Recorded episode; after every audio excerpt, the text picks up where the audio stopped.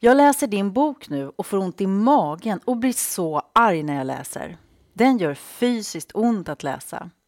Jag tänker att den borde vara obligatorisk läsning för alla i gymnasiet och alla i riksdagen, som ett minimum. Det vore fantastiskt att prata med dig med avstamp i boken om kvinnor, känslor, litteratur och metoo-rörelsen. Lite tema, eller hur?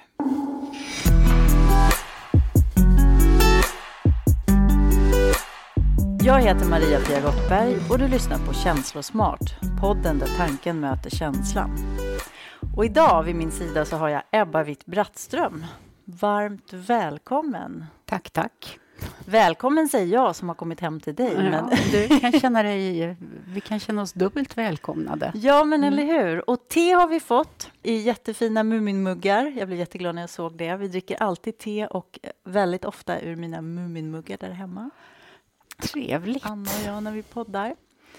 Vad, vill du börja med att så här, presentera dig? Vem är du? Vad gör du? Och sätta dig själv på kartan här i podden. Ja, kan jag göra. Jag, vem är jag? Det där är ju... Eh, jag är naturligtvis många olika saker, men eh, socialt så är jag, eh, är jag professor i nordisk litteratur i Helsingfors vid universitetet där. Det är väldigt roligt, kan jag säga, att på det sättet ha två länder. För jag bor ju ändå kvar i Stockholm. Sen är jag författare. Jag har skrivit ett, nu har jag inte det, jag tror elva eller något sånt, böcker. Och den senaste är historiens metoo-vrål med eh, under, undertiteln eh, Hashtag är jag inte människa.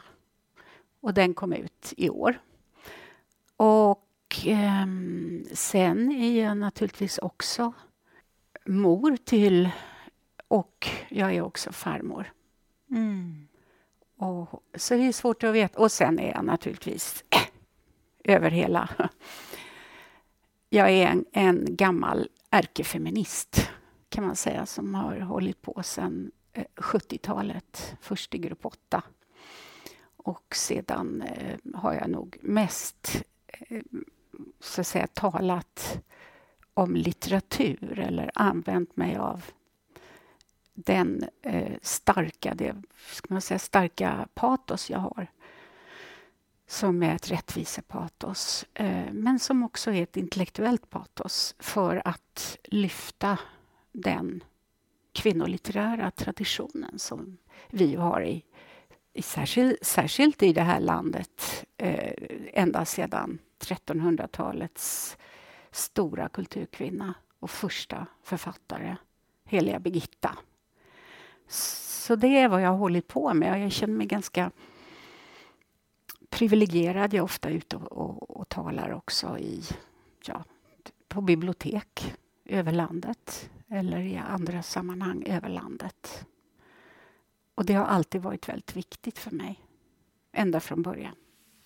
Mm. När jag skrev min avhandling om Moa Martinsson och man på universitetet mer eller mindre tyckte att jag var ja, lite, lite knasig med dålig smak. För det var ju Harry Martinsson man skulle hålla på med. Just det, och där ja. var du med och drev en ja. utveckling där man började se på litteraturen ja. med... Ja, liksom man, man vidgar sin blick, kan man väl säga. man vis. vidgade mm. blicken. Mm. Det där har jag tänkt på. Eh, Vilket eller, år kom din avhandling? Var det den kom 1988. 88 var det. Mm. Det var så att säga sämsta tiden, skulle man kunna uttrycka det om man ser det utifrån eh, kultursidorna och det som var förhärskande den, den som, som jag tycker väldigt enögda eh, estetik som man hade då. Det skulle inte vara politiskt, det skulle inte vara feministiskt. Det skulle vara eh, ungefär som Nobelpristagaren Handke säger, ren litteratur. Han säger jag är ren litteratur. Det finns ingen ren litteratur för mig. All litteratur är givetvis politisk. Men det, och det är också därför det är så oerhört viktigt att kvinnornas del av litteraturen kommer fram eftersom de har en... An, det är först då vi får en, en hel verklighetsbild. De har ett annat utgångsläge, de ser andra saker. De, mm. Deras verklighet ser annorlunda ut, mm. rakt igenom historien. Ja, och det, och det var jag, det som var viktigt. Ja, och det, och det tänkte jag är liksom också ett tema som vi ska prata om här idag. Men om vi backar bandet så, det första jag sa när jag kom in här är att jag nästan avbröt dig och sa jag är, känner mig starstruck. För att jag kom i kontakt med dig på eh, Stockholms universitet där du föreläste, jag var student, läste litteraturvetenskap och eh, jag kommer ihåg att redan då så var det liksom, åh, Ebba, det är Nej. Ebba på schemat idag. Nej. Så, jo, men alltså, det ja. var en spännande tid så. Och, det, mm. liksom, eh, och sen dess så, så har jag ju följt dig på håll och läst några av dina böcker och allt det där. Och sen träffades vi på Bokmässan nu, mm. för våra Båda våra böcker är ju utgivna av Norstedts, så vi träffades där i Norstedts monter. Mm. Och jag högg dig direkt och frågade om du ville podda med oss. Och till vår stora glädje så sa du ja. Mm. Och då hade jag ännu inte läst din bok. Den här historiens um, metoo-vrål. Me mm. Och uh, det var det jag citerade inledningsvis här. Den var ju... Den gjorde ju verkligen fysiskt ont att läsa. Jag förstod ju att det skulle vara en stark bok. Den är mm. väldigt liten, liksom. nätt och liten. Ja, ja. Men aj, den gjorde riktigt ont. Vill du liksom berätta lite om boken och vad var det som fick dig att skriva den och vad vill du ha sagt med den här boken så att de som inte känner till den får, får, får den på kartan innan vi fortsätter? Jag skulle ju, ja, jag skulle ju inte ha skrivit den om, om inte metoo-rörelsen hade kommit. Därför att eh, egentligen höll jag på med en annan bok, så jag lade den åt sidan och, eh, och kände att här måste jag bara...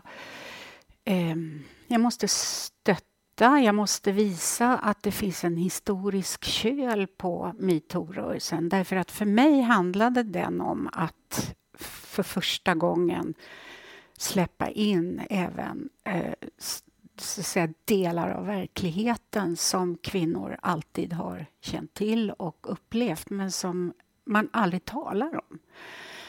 Eh, utanför kvinnorummen, så att säga, damtoaletterna och, och tjejmiddagarna och kvinnohus, eh, kvinnojourer eh, och så, sådana sammanhang där, där kvinnor är ensamma och vågar berätta.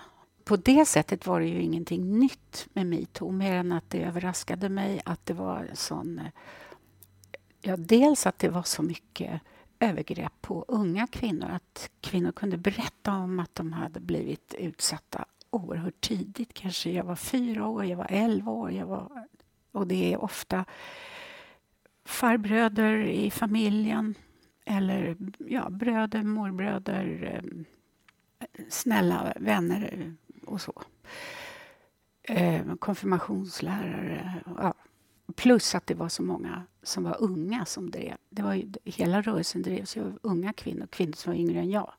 Mm. Och någonstans hade jag tänkt att det ändå hade blivit lite bättre, hur jag nu har kunnat tro det med, med eh, nätporrens inverkan på unga killar och så. Det låter otroligt naivt, men jag har bara söner.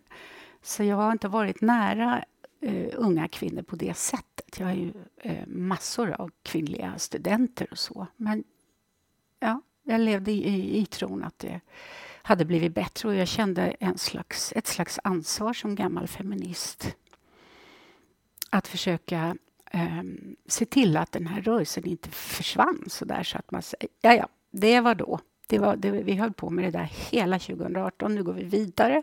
Nu är det någonting annat som gäller och så. Det var utgångspunkten. Så då satte jag mig hela förra sommaren. Vad blir det? För, förra sommaren. Inte i somras, utan förra. Ja. det var förra. Ja. Och läste mig igenom allt alla hashtags som jag kunde hitta, även de svenskspråkiga då givetvis eh, i Finland där jag verkar. Men även alla svenska, några internationella, bara för att få lite koll på vad det var för typ av text. För jag är ju litteraturforskare, mm. så fort jag ser en text så börjar jag analysera. Och det var då jag fick den här eh, insikten att otroligt många av de här berättelserna är ett slags litteratur. En vittneslitteratur. Och då, när jag hade kommit på det, så gav sig boken. Även om den ju är en essä, det är ju, den går ju utifrån mig själv och min eventuella eller ja, medbrottslighet. Vi har alla varit medbrottsliga genom att inte insistera på att det här skulle... Vi som har en offentlig röst borde ju ha sett till att det här kom fram. Stöttat kvinnor, unga kvinnor mycket tidigare. Så, så kände jag. Det var en, en slags skuld. Du kände, ja, men du kände dig personligen an, liksom, Ans lite ansvarig, ja. men alltså att, ja, att ja. du var tvungen att... Ja. Mm. Det var utgångsläget. Så det var inte att jag... Här kommer specialisten och visar att det här har pågått sedan romarrikets fall, om man säger. Utan det här har ju alltid pågått. Eh, det har kunnat döljas också genom att man har talat om kvinnors litteratur som kvinnolitteratur, det vill säga någonting som kvinnor ska läsa, men inte män. Det här är ju egentligen det jag har slagits för hela tiden. Att mm. eh, Det män skriver är i så fall manslitteratur. Men, eh, det är även, ingen som säger. Det är ingen som säger. Eh, därför att det är, eh, det är oerhört könat mm. och har alltid varit. Och självklart läser kvinnor mäns böcker, men män läser inte kvinnors böcker i samma utsträckning. Och då har ju de kunnat eh, eh, förskonas och förskona sig från den, den typen av erfarenheter som ändå väldigt, väldigt många kvinnor och flickor går omkring med som, som trauman liven, livet ut. Och jag tyckte att det var det fantastiska med metoo, att, att eh, de här dörrarna mellan de två rummen, männens rum och kvinnornas rum, slogs upp på vid gavel. Eftersom när de här eh, metoo-rörelserna kom ut i media så stod det ju eh, många citat. Så vecka efter vecka så fick ju även manliga läsare av dagstidningar eller kvällstidningar, de, de fick det här liksom i ansiktet. De kunde inte blunda längre. Det var faktiskt en världsunik händelse. Mm, verkligen. Så jag mm. tänker att jag tänkte att det, nu är det verkligen dags att smida. För eh, eh det, och, och sen det som jag också lite vagt tänkte när jag... Det var en alldeles förfärlig sommar. Det var en oerhört het sommar. Eh, det var, ett tag tänkte jag att jag kan inte jag kan inte skriva om det här för det är så mycket förfärliga saker. Men sen så eh, blev det ju mer som en undersökning. Vad, vad är nu det här med våldtäkt och sexuella övergrepp? Vad, vad, står det för egentligen? Alla män våldtar inte, alltså är det ingenting naturligt för män. Eh, som man brukar säga, män kan inte behärska sig mm. och så mm. vidare. Och så vidare. Det stämmer ju inte. Plus att jag hittade ett ganska stort antal manliga författare som, som hade stått på kvinnornas sida som hade fördömt det här mm. och som påpekar i sitt skrivande väldigt starkt att det här är en fråga om människovärde. Så här kan man inte göra mot en flicka eller kvinna bara för att hon inte är pojke eller man. Hon är ju också en människa. Det är därför jag har den där hashtag är jag inte människa. Mm. Och när jag insåg att jag skulle kunna ha ett kapitel på slutet som skulle heta Män som inte hatar kvinnor, då, då kom jag upp ur den där, får jag lov att säga, depressionen eh, och började skriva mot det. Blev det, så det blev ljuset i alltså. tunneln. Ja. ja. för det var en fråga som jag hade med mig just. Hur mm. påverkades du känslomässigt av den här ja, men någon slags insikt, känna ett ansvar och så börja i det här rotandet? Ja. Ja, så du, det, det, var, blev... det var förfärligt. Ja. Den, det var alldeles förfärligt. Mm. Och som jag sa, jag, jag misströstade. Så det var först på, på hösten när jag, eh, började, som jag började kunna formulera och se någon slags som utveckling i boken. Och det var viktigt för mig att skriva den för att jag kom ut på andra sidan. Jag tror att det viktiga var att inse att det är en människorättslig fråga. Och, och, vi kanske inte ska tala om det så mycket i termer av sexuella brott. För att så fort man säger något sexuellt så, far eh, väldigt många människors tankar åt fel håll, särskilt mäns tankar. Hur som någonting Åt- som åt bara vad? drabbar kvinnor. Ja, det. Alltså det finns på något sätt ingen förövare, utan det här är bara ett, det här är villkora. Det kan man Mm. inte göra något åt. Och det är alldeles fel. Det är klart man kan.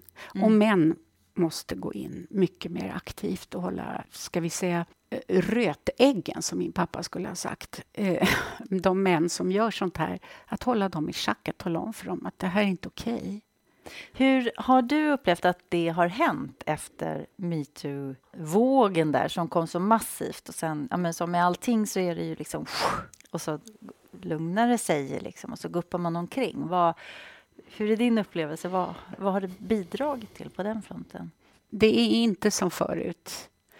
Men om man ser på den eh, offentliga, det offentliga pratet om metoo eller metoo-vågen och vad som har kommit efter så har det ju väldigt mycket gått över till, gått tillbaka får jag säga och gått över till män som blir utpekade eller löper risken att bli utpekade. Så att återigen diskuterar vi män och hur män kan känna sig plågade av att bli frågasatta och uh, unga män som inte vet vad de vågar göra. Och, ja, det, som, det vanliga kan man säga. Mm. Det, för det vanliga i vår kultur är att vi alltid alltid tycker synd om männen och det är alltid kvinnornas fel om män inte kan bete sig i alla lägen.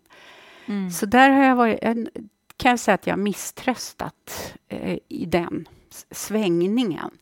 Men jag vet ju att det pågår jättemycket som inte media täcker längre eftersom det inte är någon nyhet eller något sensationellt. Så det pågår ju jättemycket på arbetsplatser och Mm. en, en, en förhöjd uppmärksamhet på att det här inte ska hända, sånt här inte ska hända.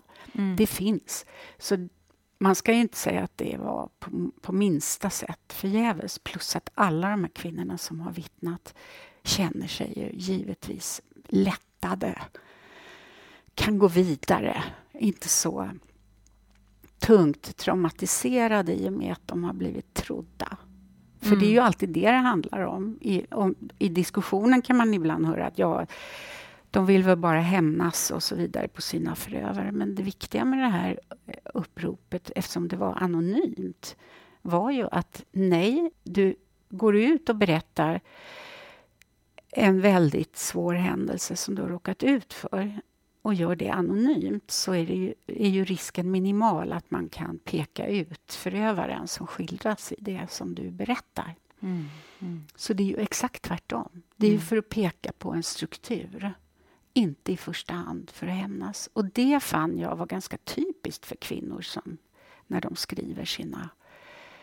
Alltså från eh, den första som, som jag har med i boken som, är, eh, som skrev sin... Den japanska författaren Murasaki Shikibu som skrev eh, sin bok år 1000. Alltså, det är ganska häftigt. Mm. Um, 1019 år sedan. Eh, att det finns ingen... eh, det är inte hämnden som är drivande utan det är ett försök att bli hörd. Ett rop på hjälp och ett försök att bli hörd. Och också att, att, att bara att klä sina upplevelser i ord, Ja. tänker jag, utifrån liksom vad det gör med Mm. oss rent emotionellt och att det är en... Om ingen annan är där och bekräftar mig så kan jag åtminstone bekräfta mig själv när jag formulerar mig. Det, alltså det är ju också ett värde Ja. i... Det är ett värde och det Mm. tror jag säkert att eh, kvinnor som råkar ut för övergrepp har gjort i sina dagböcker eller på Mm. olika sätt. Mm. Eh, men att få ut det offentligt Mm. och inse att det här... Nu har jag lämnat det ifrån mig. Jag har lagt det liksom där det ska ligga, den här ryggsäcken. Jag kan gå vidare, jag kan räta på ryggen. Mm. Det upplever jag starkt. Så vi har ju fått en, en hel generation av yngre kvinnor som, som kan känna sig lättade, stolta, starka. Det är också en väldigt viktig effekt, Mm. tycker jag, av den här, eh, av den här rörelsen. Mm. Så att, för eh, du talade om att vidga blicken. Det var faktiskt så jag tänkte att blicken, för ett ögonblick där när, när metoo-rörelsen sparkade igång, omfattningen blev så stor och ingen kunde kunde strunta i det. Alla talade om det. Det var ju nästan som någon slags gratis wifi som alla kopplade mm. upp sig på. det var det. Det ja. var ju helt otroligt. Ja, om jag säger. Många äldre män också som, som kunde komma fram på gatan för att de känner igen mig och, och, och, och liksom ställa sig och säga hur är det möjligt att det finns såna här män? Och jag frågade min hustru. Och hon, vi har varit gifta i 35 år och, och jaha, hon hade blivit våldtagen när hon var 16. Det hade hon aldrig berättat för mig. Eh, jag frågade våra döttrar. Jag blev så arg så jag tänkte, vad ska jag göra? Ska jag gå och köpa ett gevär och sk börja skjuta eh, såna här män? Nej, så det tycker jag är en jättedålig idé. Liksom, det är inget som metoo-rörelsen vill att du ska göra, men du ska hålla ögonen öppna. Och om du ser att en ung kvinna eller en kvinna är i en sån situation, så säg till killen. Mm. Ja, det skulle han göra. Så jag tänker att de, verkligheten på något sätt blev full och den mm. sipprade in. Det. det. var som att kvinnor och män inte längre ingen behövde ha sig. olika verkligheter. Nej, Nej, utan ingen kunde värja sig. Nej. Det var helt otroligt. Mm. Så det gäller, jag menar, tidigare har man bara så sett kvinnan i ögonvrån eller kvinnors lidande i ögonvrån. Mm. Och framförallt ingenting som drabbar oss här i Sverige. Herregud, vi, kan ju, vi pratar inte Afghanistan. Nej, men just ja. det, för det är ofta någonting man... Mm. Ja, men mm. vi har ju kommit så långt mm. här, säger man och så. Uh, och det är klart att allting, alltså, beror på vad man jämför med och så. Men jag tänker också kring det här med med just litteraturen och att eh, det är väldigt, väldigt många fler män som har publicerats och läst och eh, kritiserats och talats om och lyfts fram och spelats på scener och, och allt mm. det här mm. liksom genom mm. historien. Mm. Och återigen den här blicken i hur hög utsträckning eller hur har det liksom påverkat? Hur har det varit med och drivit att vi har bibehållit den här? Det går ju ganska långsamt, tänker jag, med mm. det här vi förhoppningsvis landar i så småningom att vi faktiskt ser varandra som jämställda varelser där vi har lika mycket ja, ja. rättigheter och skyldigheter ja. oavsett kön. Liksom. Nej, det är jättelång tid. Och det är ju just det som jag har jobbat med att försöka vända, men det är ju oerhört svårt. Och man kan ju säga att det här med kulturens betydelse är enorm, symboliskt sett. Mm. Så till exempel det du säger, teaterscenerna, klassikerna, det är männen. Det, det, det är Shakespeare, det är, det är så att säga de stora. Och det är Strindberg och mm. Det är för all del Ibsen som är feminist. Det finns såna också. Mm. Eh, som har de stora kvinnorollerna. Som skriver fram de stora kvinnorollerna. Men de allra flesta skriver ju fram en mansroll. Som är precis sådan att den, förövare passar väldigt bra i dem om jag säger så. så att, eh, det var ju det när man läste teater metoo-uppropet att man kände ju igen de här typerna. Det är en viss typ av manlig skådespelare som, som är gränslös därför att det också var vår klassiska, och nu säger jag mansdramatik, kräver. Mm. Så visst är det ett jättestort jobb. Mm. Och, då, och alla kan säga ja, han är naturligtvis en, en förövare, men han är ju briljant. Jag är så trött på allt det där snacket om de här manliga genierna. det är jag verkligen. Ja. Kvinnor kan på något sätt får aldrig den, det epitetet att vara genial. Det finns inte. Kvinnor kan vara begåvade och män är geniala, men bakom det här äh, geniala är det är ju vi som ger dem den möjligheten att sedan då kunna eh, göra om... vad som helst. Mm. För de är ju ändå briljanta. Just det. Och även om en kvinna skulle ses som genial, eh, begåvad eller eh, så här, eh, briljant, så om hon tabbar sig, ja, ja, då syns Då är hon ju rökt. Ja, alltså, rökt. Det spelar ju ingen roll om man liksom eh, knycker en godis i en butik eller om man liksom ger bort sig, man blir full ute i det offentliga eller ja, men vad mm. det nu är. Men man måste ändra på rollen. Mm. Eh, det är inte så att kvinnor kan kliva in i den här geni... Alltså, helt enkelt synen på det, den geniala personen som alltid är, nästan alltid en man, måste förändras. Det mm. finns inga såna människor. Mm. Utan vi är alla eh, ändå fattiga syndare. Nej, men på något sätt ja, det är mycket som man måste göra. Det där har jag hållit på med, jag hållit på med, jag hållit på med. Och ett tag så jag, får, man, får man göra en produktplacering om man inte tjänar på det i er podd? Ja, det får man. Vi höll ju på ett gäng nordiska eh, litteraturforskare som var doktorander eller eh, provanställda, var liksom inga etablerade. Vi höll ju på och skrev i tio år för att vi fick inga pengar och vi gjorde det vid sidan av. Men det, det blev ett väldigt viktigt barfotauniversitet för oss. En, vi skrev en nordisk kvinnolitteraturhistoria. Och den ligger på nätet nu och den är gratis. Vi har liksom skänkt allt. Och jag var svensk huvudredaktör för, för det där. Eh, och det var så oerhört viktigt och roligt. Och vi drevs av den här... Mm, alltså 800... Är det 800 kvinnliga författare under en period av tusen år.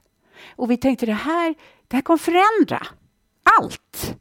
Säg att du har hört talas om den. Ja, ja det har du. Men det, det är för jag. att det är du. Men, ja, men fortfarande men när jag är ute och pratar. Jag är inte jag försöker på att min alltid... man hade hört talas om den, även om han Nej. också ja. är hyfsat liksom så. Ja. Men, Ja, när vi lanserade den mm. på nätet så tänkte vi nu kommer det i alla fall att funka. Och det gör det över hela världen. vet du. Det finns ju något som heter skandinavistik. Folk sitter och läser eh, nordiska språk, framför allt svenska som är det största språket då mm. i det sammanhanget, och litteraturen. Och den kommer, vi har översatt den till engelska, den är på danska och på svenska och på wow. engelska. Ja, det visste inte jag. Uh. Och det är fullt också med kvinnors konst och foto fotografier och så vidare. Så det är en jättegrej. Och när vi lanserade det där så tänkte vi nu kommer det här kommer att bli en stor grej. Och den används oerhört mycket, det var det jag skulle säga. Så pass så att man kan tro att studenter över hela världen inte tror att det finns några manliga författare i, i, i Norden. ja. Men medierna teg. Ja. För det var den andra verkligheten. Den ja. där som inte, ändå inte har de där kanske genierna, även om det förstås var Karin Blixen, Selma Lagerlöf, Edith Södergran. Mm. Förstår du? Men nej, eh, vi håller oss till det vi kan. Mm. Och det vi kan, det är bara hälften. Vi är bara halvbildade. Mm. Och det tänker Men, vi fortsätta att vara. Det ni gör Ungefär, där, den ni, ni stopp, det, alltså det är någon slags vaccin för kommande generationer, ja, tänker jag. Så att de får det här mm. med, mm. med, med sig upp. Så att på ja. sikt så, visst klart att det kommer revolutionera och göra skillnad. Men det som du säger, det går långsamt och det ligger liksom långt fram i tiden. Ja, alltså det är den här oviljan att, att jämföra eller att läsa samtidigt, manliga och kvinnliga. Mm. Men vad är det eh. som skiljer då, liksom manlig och kvinnlig litteratur? Och hur skildras... Alltså vad, vad, om, man, om Finns det någon sån här tydlig... Vad är vad? Liksom? Om du läser en text som... Med, vad heter det? Utan, eh, Utan att veta om det är en man eller en kvinna som har skrivit den. Märker man det i litteraturen och hur ser man det? Ja, jag skulle jag, jag gör ju det. Men det. ibland, det är inte alltid eh, kanske, men för det mesta skulle jag säga. Mm. Det är också så här att nu vet du när man har jättestora, man har digitaliserat oerhört mycket litteratur ju, som har en sån här stor, som det heter, korpus av texter. Eh, så kan man gå in och söka och då mm. kan man också se vad skillnaden är och då kanske du tror att det är, ja, det är väl att kvinnor har mer adjektiv. Ja, det har de. Att de har mer känsloverb. Ja, det har de. Eh, men det viktigaste, vet du vad det är? det här är en undersökning som har gjorts. Ja. Det är om du går in och tittar på pronomen, alltså han eller hon. Om du googlar på han eller hon i en sån här stor, stor korpus. Ja, det är vad man har gjort på klassisk engelsk litteratur fram mm. till idag. Och sen på den kvin motsvarande kvinnliga klassiker och fram till idag så är det så här att fortfarande så är, dominerar han mm. hos männen. Mm. Och då undrar jag, var, hur tror du att det ser ut på kvinnosidan? Ja, men jag tänkte säga, där dominerar väl han... Nej, Nej det är inte det, så. Hon dominerar lite men det är nästan det, jämnt det är mellan nästan han och hon. Ja, okay. ja. Ja, och då säger folk ja men det är ju för att kvinnor skriver om relationer och det ska ju vara dåligt. Och det är ju inte fint, nej. nej. Men, men det är ändå väldigt intressant. Ja. Eh, och det är fortfarande på det sättet att du hittar de här dragen. Mm. Så det är inte någonting som man kan förklara med att det är 1600-tal, eller 1700-tal eller 1800-tal. Nej, nej.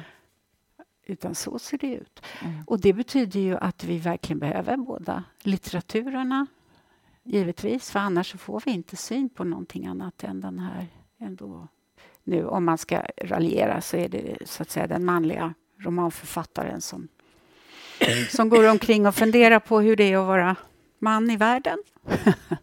så, alldeles på något sätt som om han inte också lever i en värld där han måste relatera till kvinnor.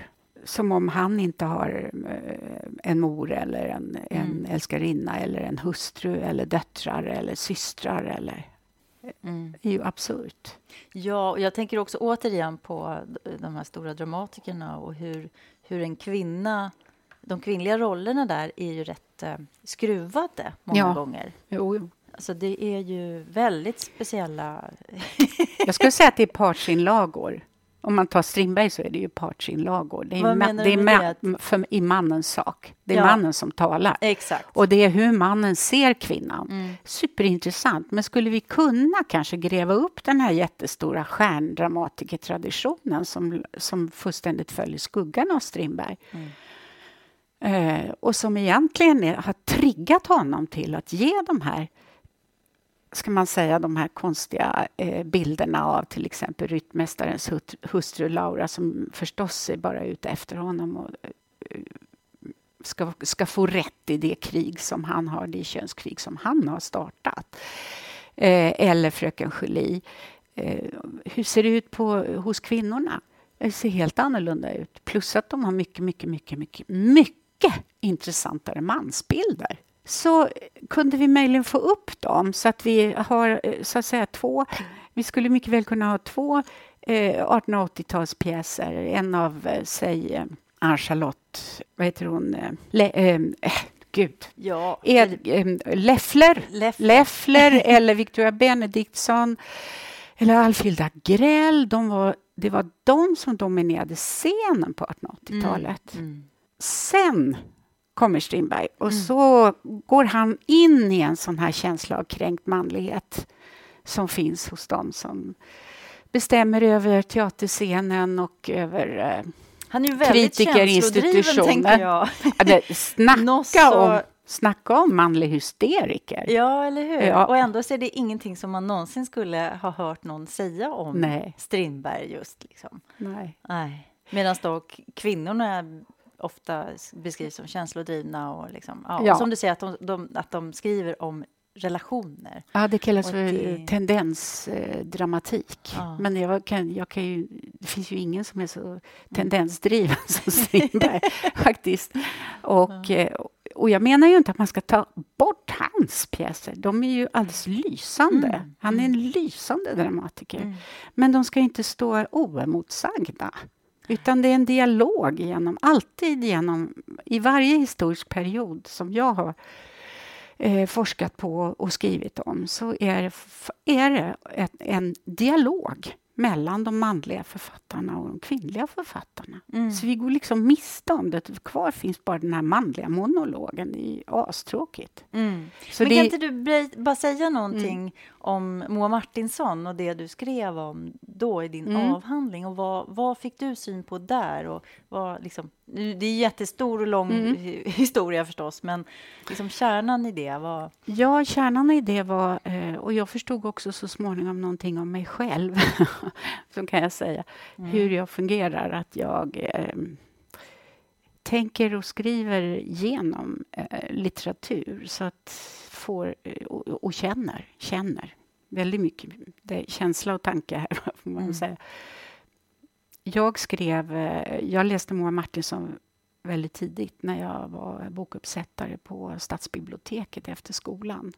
Redan, jag började som 15-åring eh, på kvällar och helger. Och eh, då, då hade vi läst Harry Martinson, Men vem Moa var visste inte jag.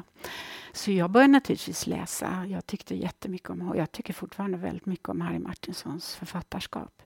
Så jag började läsa hennes och jag försökte inte förstå att hon var så undervärderad, så nedvärderad som hon var. Sen började jag läsa litteraturvetenskap på universitetet för jag tänkte att jag skulle bli bibliotekarie. Det var det finaste yrke jag kunde tänka mig. Och eh, då läste vi ju inte mer än fyra kvinnliga författare på det första året. Och jag förstod inte varför det var på det viset. Men det handlade ju om att kvinnor inte var genier. Mm. Såklart. Men framför allt det här med Moa Martinsson. Jag släppte aldrig det, så jag skrev min, eh, eh Eh, min eh, nu ska man väl kalla det magisteruppsats om hennes självbiografiska svit, trilogi om proletärflickan Moa, som kom som ett svar, som hon själv säger är ett svar på alla pojkbiografier som går genom pressarna. Så skriver hon till förläggaren.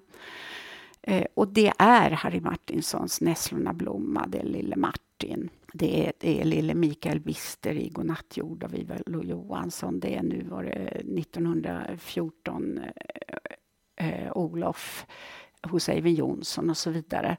Så hon ville korrigera, hon ville föra in den där andra verkligheten. Det, gav ju, det var ju fullständigt såklart. Det var ju det här som var min livsuppgift. Mm. Att lyfta det.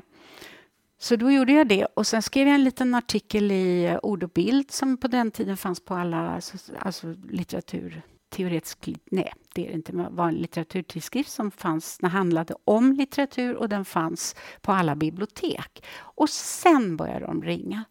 För deras publik, Moa var en av de absolut mest utlånade författarna eh, vuxenförfattarna. Det var bara Astrid Lindgren på barn och ungdom som slog henne. Mm. Det här är 70-tal. Ja.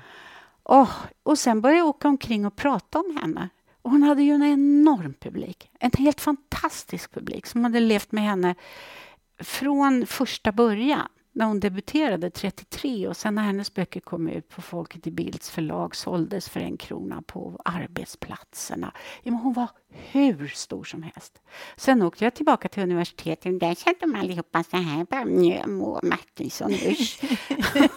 och så slog jag i. Jag, jag, nej, jag bestämde för att jag ska skriva avhandling om henne. Nej, men det gick väl inte. Ja, men jag, jag gav mig inte. Och så nej. gjorde jag det.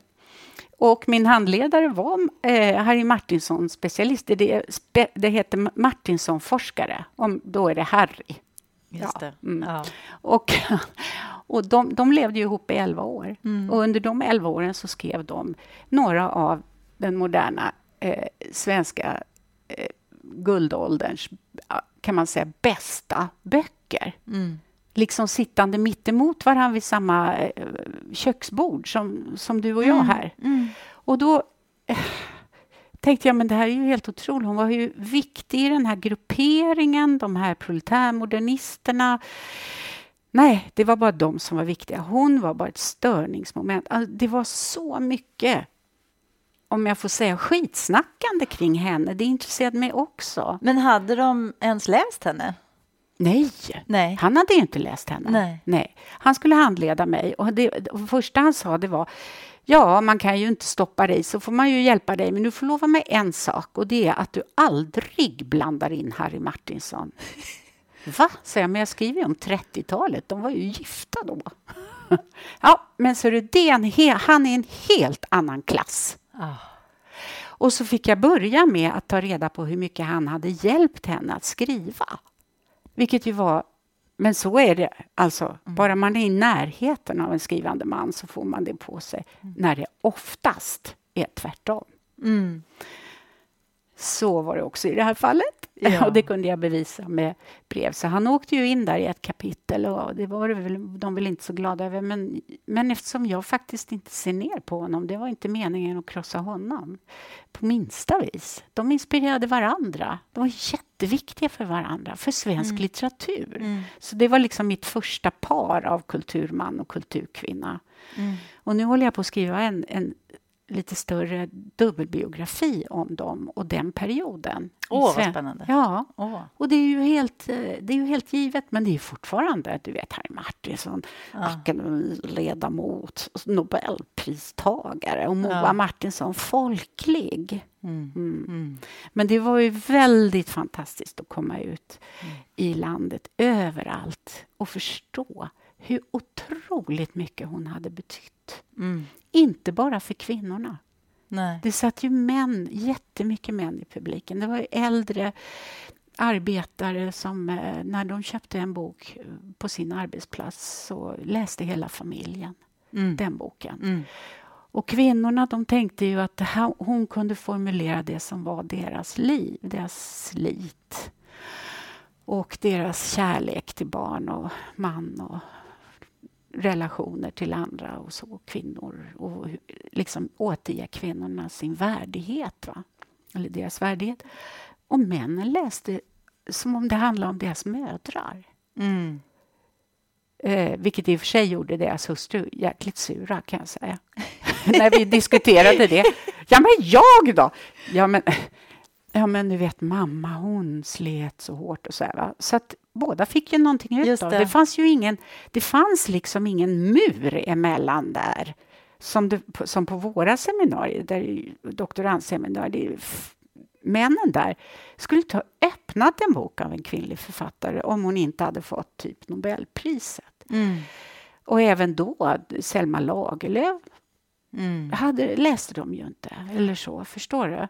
Det var, så, det, var som, det var två helt olika världar jag bestämde mig genast för vilken värld jag ville tillhöra. Ja, såklart. Ja. Nej, men jag tycker det är fantastiskt, för det berättar ju verkligen väldigt mycket om hur viktigt det är att man kan få se insyn, man kan Mm. eh, liksom mötas med hjälp av litteraturen Ja. och hitta sin ingång, som, som vi Ja. alltid gör. Men ja, fantastiskt. Jag, Men det var det jag skulle jätteinspirerad. säga, förlåt att jag avbryter dig. Det, sen, när den där avhandlingen kom ut, och den blev jättesuccé, den kom ju i hur många upplagor som helst, pocket och alltså, verkligen Mm. blev läst av dem som läser Moa. Det var det jag ville göra, inget fikonspråk. Just det. Ja.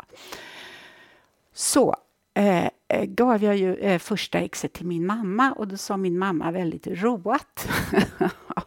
så sa hon, ja, sa hon, det är ju intressant att Moas mamma, när hon, hon var ogift textilarbeterska, eh, att hon har stått vid samma maskiner som jag vid bruksfabriker i Norrköping. Va? sa jag. Jo, men då visade det sig ju att när hon kom till... Min mamma kom från Estland, flykting, i september 1944 men det, med det som var den absolut största flyktingvågen Mm. till Sverige i, i modern tid. 40 000, framför allt ester som kastade sig i vilka båtar som helst och tog sig över havet. Eh, När Sovjet, eh, när östfronten bröt ihop och Sovjet återockuperade Baltikum. Du vet, det är tre baltiska stater, Mm. Estland, Lettland, Mm. Litauen. Nu börjar man veta det, men då var det bakom Ja, just det. eh, Just det. så kallade järnridån. Ja.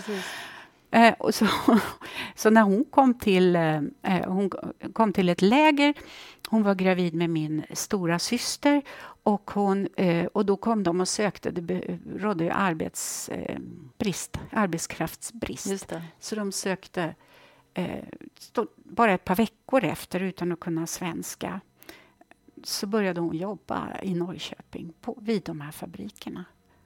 Och bodde på liksom, en adress som fanns i Moas eh, mor gifter sig och så vidare. Alltså det var ju bara så. Men vilken fantastisk Och jag historia. hade gått i... ja, det säger något om mig. Jag visste ju om det. Jag visste ju om flykten och Norrköping, men inte hade jag i detalj. Jag hade alltså på, i en bemärkelse skrivit både min mormors historia, för hon växte upp, hon flydde också med, så jag växte upp med min mormor och mamma och min äldsta syster, som alltså var, eh, föddes i Norrköping då. Och, och så- eh, min mormor hade varit en, eh, eh, hade växt upp som skogsvaktardotter. Alltså väldigt fattigt, Mm. gått utan skor till skolan och ungefär det som Moa berättar om. Mm. Så jag hade berättat min egen eh, men, familjshistoria. Ja, det, det, fick jag också. Ja. Och det får jag också. Och det, ja. hur, man kan, hur litteraturen är så fantastisk att man faktiskt mm. hittar man hittar rätt det man själv behöver, mm. det man kan reflektera kring. Eh, och, och, väldigt mycket, tror jag, den där passionerade laddningen mm. som jag kan få till litteratur. Den har nästan alltid någon sån där liten rot mm. i min familjehistoria. Ja, det är Visst är det märkligt? Alltså. Ja. Och att man dras, liksom det som man vet bara att det här ska jag ja, läsa. man dras dit. Ja. ja. Ja, i, mi, i mitt fall så har jag, och det är ganska länge sedan jag insåg att när jag väljer vad jag vill läsa sådär, mm. som jag gör numera när jag inte pluggar litteraturvetenskap, det vill säga mm. de senaste 25 mm. åren, mm. så dras, då vill jag ju läsa kvinnliga författare. Och jag måste ibland så här, ta mig i kragen och läsa någon, någon manlig författare. Men ja, det, är också, det har också en sån reflektion jag har. Och det är väl för att jag känner mig hemma där. Det är ett ja. språk och sen så kan ju de skilja sig enormt mycket åt, ja. förstås. Ja. Men det är som att det är hemmaland på något vis. Ja. Och, och, det, tänker jag, och det kan ju också ja. vara så för, för män, att, att de känner sig hemma där. Ja. Men det blir ju lite ensidigt. Det är därför jag säger att jag måste ibland ta mig kragen jo, och läsa. Och det är viktigt att du gör, för att det mm. har ju med det att göra. Och jag läser ju väldigt mycket, eh, om jag också manliga, jag skriver ju om manliga författare också. Mm. Strindberg mm. till exempel, han roterar väl i graven, men struntar jag i. För mig är det eh, nästan lika passionerat kan jag säga, därför att, därför att jag vill förstå. Och så har det alltid varit, jag försökt förstå. Hur tänker de? Mm. Det tycker jag är intressant. Så att man inte stannar i det som är tryggt för en själv. Ta nu till exempel metoo rörelsens mm. eh, vittneslitteratur. Den skulle jag ju helst inte ha läst om Nej. jag hade fått välja. Den är inte trygg. Men det, även den är att gå ett steg ytterligare normalt sett så, så dras jag ju också, precis som du, till litteratur som ändå bekräftar mig. Och det är mm. precis så män läser. De mm. vill bara läsa det som bekräftar dem. Mm. Och det är farligt. Ja. Så kanske det är mer varierat på, på kvinnolitteraturens fält, att vi också läser om sånt som vi tycker är, som skakar upp oss, som, som gör att vi får en annan, andra kvinnors vittnesmål i oss. Och där. Men männen Ja, jag vet inte. De är rädda naturligtvis. Det har jag väldigt mycket grubblat över. Varför mm. läser de inte kvinnliga författare? Jo, de är rädda att det finns kritik mot dem. Just det. Men vi är så vana vid att bli eh, mm. kritiserade och värderade hela tiden. Så vi är ganska hemma i det. Även om vi läser manliga författare som och har en massa har strategier vi har liksom ja, skapat oss för, för att klara, klara oss. Ja, just det. Ja. Mm. Så på det sättet så är det ju mera, tänker jag, att kvinnor Eh, reflektera mycket mera mm. kring just sitt eget, sin egen existens. Men jag tänker bara, fick upp med så här, tänk om, om vi någon gång kommer dit att män, män skriver vittnes... Litteratur. Litteratur mm. om mm. liksom, jag var en av dem som, mm. alltså jag var förövaren. Alltså mm. mm. hashtag någonting mm. vad det nu ska vara liksom, men... Uh, jag har ett förslag. Ja. Hashtag WeToo.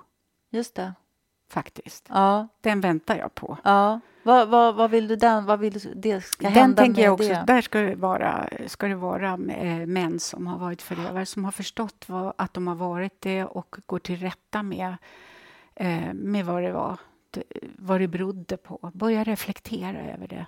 Mm. Det kommer ju lite sån litteratur nu. Mm. Det finns ju en isländsk författare, hon har skrivit en eh, bok tillsammans med sin förövare. Just det. Ja, just det. Så mm. det är lite på gång alltså. Mm. Och de här männen i mitt kapitel, Män som inte hatar kvinnor, mm. de, går, de skriver ju också om det. Mm. Det tycker jag är, det, det är verkligen så viktigt. Mm. Det där steget från metoo till WeToo. Mm. Eh, därför att eh, där, där kan man de måste liksom lyftas och inte ses av de andra manliga författarna som några såna här mjukisar som sviker, som blottar strupen på liksom patriarkatet eller hela det där. Mm, mm. Men lite tycker jag att det är på gång. Jag, jag väljer att vara lite optimistisk. Och det är fortfarande mycket rädsla kvar, både hos män och kvinnor av kanske väldigt olika skäl. Men, och, och jag tänker så länge vi är medvetna om och mm. kan sätta ord på det, att, att vi mm. är väldigt rädslostyrda, vi människor. Det är ju det är en ja. del av vår liksom, biologiska struktur, så den ja. är svår liksom, att komma bort ifrån. Ja.